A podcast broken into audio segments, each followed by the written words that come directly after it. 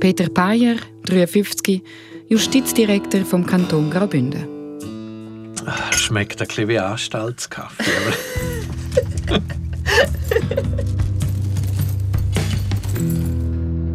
Podcast. Das ist der Regierungsrat und Justizdirektor von Graubünden, Peter Payer, wo meinem Kaffee im Intro die Note Anstaltskaffee verleiht hat. Und ja, er weiß selber ganz genau, wie Anstaltskaffee schmeckt. Er ist nämlich selber auch schon im Gefängnis gesessen.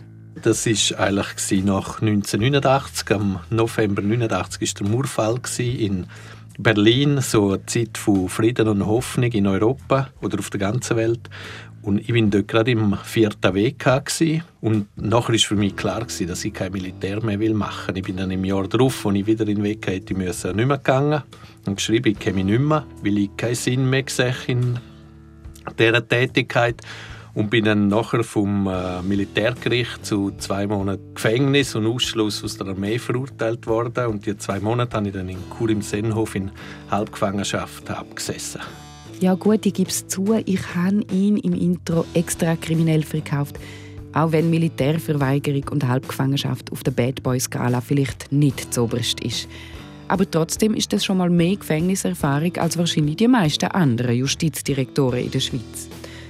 Mit dem Peter Bayer rede ich nicht nur über seine eigene Zeit im Gefängnis, sondern ich will von ihm auch wissen, ob er als alter Sozi, ganz salopp gesagt, nicht in einen moralischen Konflikt kommt, wenn der Kanton, also er, mit Sträfling heute Geld verdient.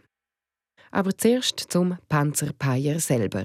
Vor Gefängniszeit erinnert sich der Peter Payer vor allem noch gut an zwei Sachen, wo ihm damals nicht geschmeckt haben.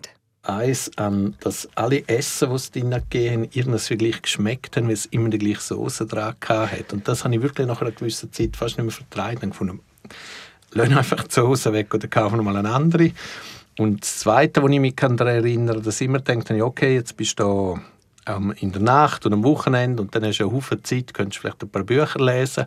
Und ich habe es nicht geschafft, ein einziges Buch überhaupt auch nur ein Stück zu lesen, weil einfach die Atmosphäre ist äh, so, wie dass man nicht nicht lesen kann. Oder ich habe es ganz stark so empfunden, man hat nicht die Ruhe in dem Sinn, um so auf ein Buch oder so einzulassen. Ich habe viel mehr Fernsehen geschaut oder, oder im Aufenthaltsraum mit anderen geschwätzt oder so, oder vielleicht auch mal gejasst, aber so die Idee, jetzt hast Ruhe und Zeit, das hat es wie nicht gehauen, weil einfach die Atmosphäre so ganz anders ist als draußen oder daheim. Wie denn? Wie würden Sie die beschreiben?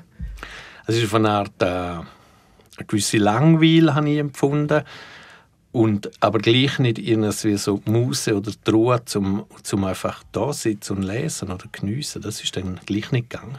Welche Bücher haben Sie denn mitgenommen ins Gefängnis? Oh, das weiß ich echt nicht mehr. das ist jetzt auch schon fast 20 Jahre her äh, oder 18 Jahre.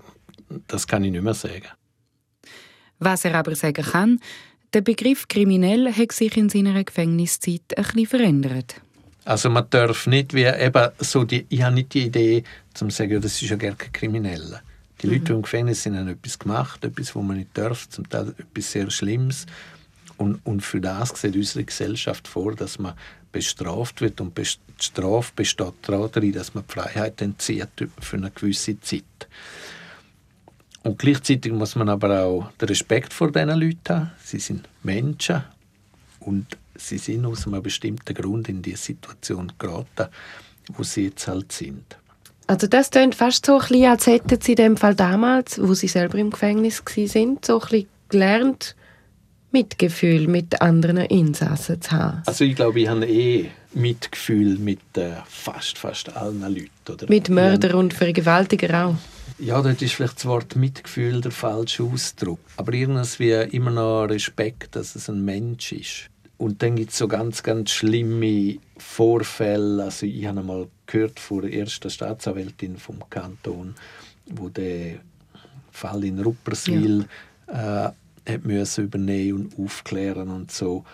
Und das sind dann schon Momente, wo man wie findet, mit dem wird ich nichts zu tun haben, weil das ist so, so das ist ja unfassbar, oder, dass mhm. jemand überhaupt so eine Tat kann begehen und nachher auch die Frage, ja, was macht man jetzt mit dem, oder? Äh, dort, äh, glaube ich, kommt man wie auch Limiten, an Grenzen. Und dort ist dann mehr wieder mein, wirklich mein grosser Respekt für die Leute, die dann halt auch mit, mit so Leuten müssen arbeiten und und äh, auch wenn es praktisch aussichtslos ist, die je wieder einmal in Freiheit zu lassen, trotzdem sich mit ihnen beschäftigen und, und sie probieren irgendwie halt in dem Gefängnisalltag dann zu betreuen. Also das finde ich extrem schwierig. Wenn wir gerade den Gefängnisalltag im neuen Gefängnis Gatzistin jetzt ein anschauen, weil der schon ein anders ist als der im 200 Jahre alten Sennhof in Chur.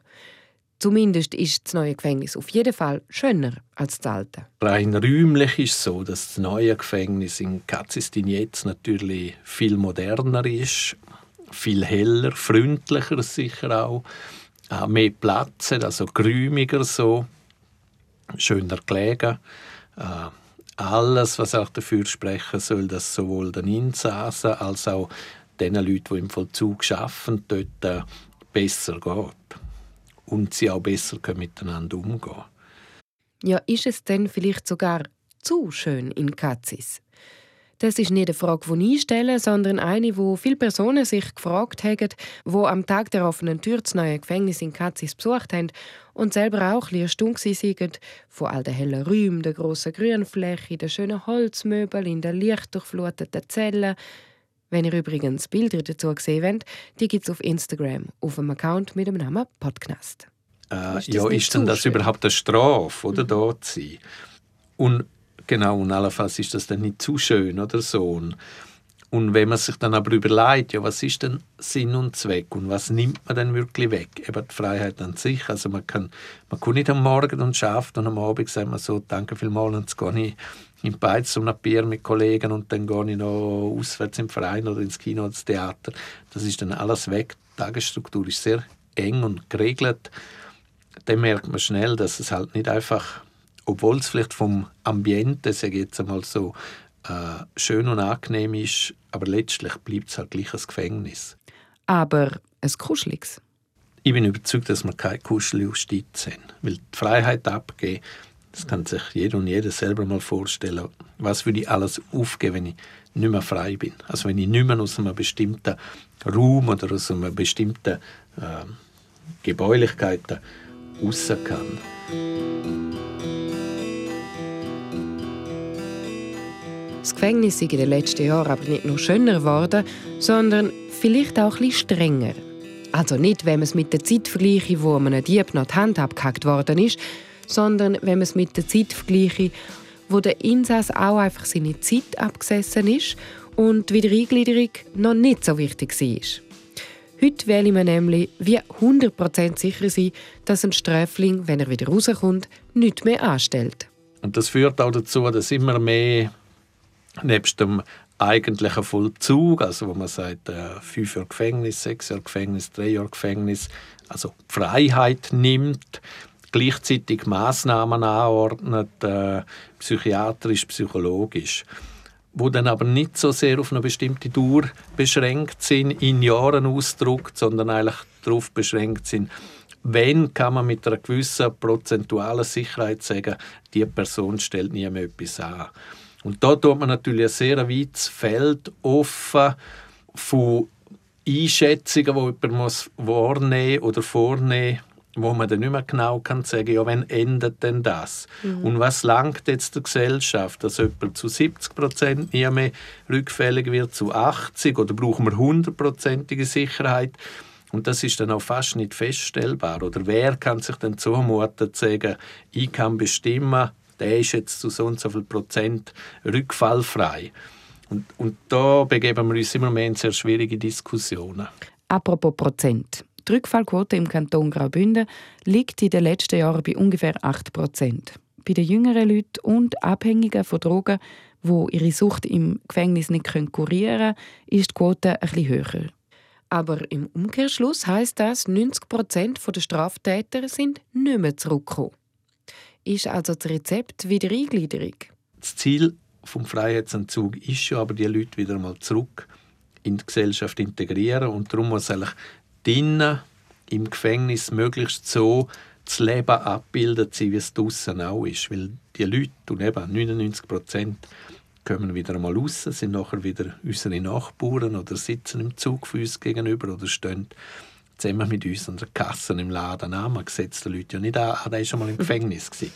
Die sind wieder da und sie müssen sich ja nachher wieder im Leben zurechtfinden, auch in der Gesellschaft, auch in der Umwelt draussen, auch im Berufsalltag draussen. Also muss man drinnen möglichst probieren abbilden, was draussen auch läuft. Man schafft am Tag durch, ist sehr wichtig. Man verdient auch etwas für die Arbeit, die man macht, wo man, wenn man drinnen ist. Man muss aber auch arbeiten. Man ist verpflichtet dazu. Wenn man schon vom Verdienen redet, wie vorher schon angetönt, verdient der Kanton auch ein bisschen am neuen Gefängnis.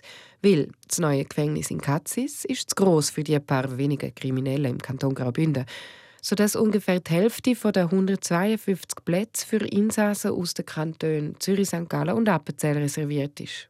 Wenn das Gefängnis also voll beleidigt ist, ist es sogar ein bisschen lukrativ. Das ist für uns so gesehen, wenn wir viel Gefangene aus einem anderen Kanton können übernehmen können, ist es ein bisschen lukrativ. Das ist wahrscheinlich gerne nicht zu verleugnen. Es schafft vor allem auch Arbeitsplätze, recht gute Arbeitsplätze. Also wir haben in Katzistin jetzt sehr gute, rund 110, 120 Arbeitsplätze. Mhm. Wir suchen im Übrigen auch immer noch Leute. Wir suchen im Übrigen auch immer noch Beschäftigungsmöglichkeiten für die Insassen Leute, die genug. Insassen sind. Und ah, Insassen können wir, wir haben auch noch nicht alle Plätze beleidigt, aber wir können auch nicht von 0 auf 100 gerade alles belegen, weil, wir, weil sich alle auch an die neue Anstalt zuerst gewöhnen müssen. Und jetzt habe ich Sie aber unterbrochen, weil Sie noch erzählen wie der Kanton, wie viel der Kanton daran verdient.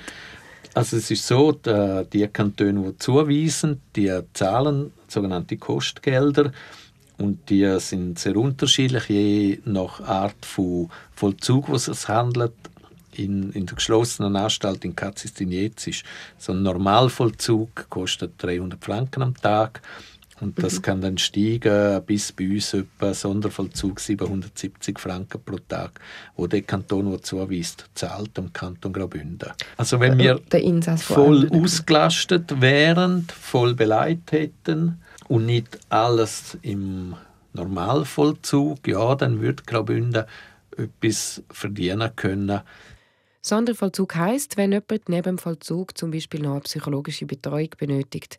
Aber natürlich halte sich der Gewinn in Grenzen, weil wir zahlen ja auch für unsere Straftäter. Ja, Graubünden zahlt natürlich für unsere Leute, wo wir selber bei ja. uns im, im, Vollzug haben oder wo wir allenfalls auch in einen anderen Kanton geben. Aber weil wir natürlich ein kleinerer Kanton sind, auch bevölkerungsmäßig und halt mhm. entsprechend anteilmäßig auch weniger Leute im Strafvollzug als jetzt ein großer Kanton wie Zürich, ist klar, äh, rein für uns braucht man das Gefängnis nicht. Also rein für Bündner Gefängnisse, sage ich mhm. jetzt einmal. Äh, darum ist es natürlich attraktiv, wenn man wenn man dem attraktiv kann sagen. Attraktiv für eine Gesellschaft wäre es eigentlich, wenn man kein Gefängnis braucht. Mhm. Und, äh, aber ökonomisch gesehen, rein ökonomisch gesehen ist es für Graubünden interessant, wenn wir so eine Anstalt hier haben und möglichst viele außerkantonale Leute hier untergebracht sind. Wie gesagt, wenn wir 20 Leute haben, Bündnerinnen und Bündner, sage ich jetzt als Beispiel, äh, wo wir unterbringen aber gleichzeitig 80 aus anderen Kantonen haben, dann unter dem Strich haben wir natürlich, wenn man so will, etwas gewonnen.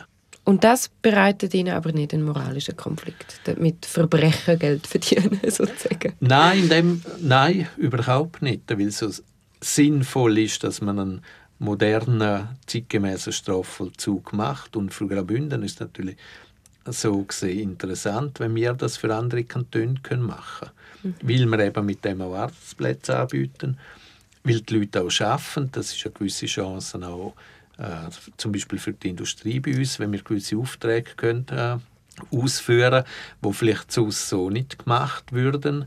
Vielleicht noch ein Fun-Detail am Rande. Ein Produkt, das zum Beispiel in der Schreinerei in der Strafanstalt in Katzistinetz entsteht, sind die Holzstecker der Zigeunerspiessli. Und auch der Ströfling selber zahlt für seinen Aufenthalt im Gefängnis, allerdings in Form von Arbeitskraft. Als Lohn kriegt er zwischen 28 oder bei großem Einsatz 35 Franken pro Tag.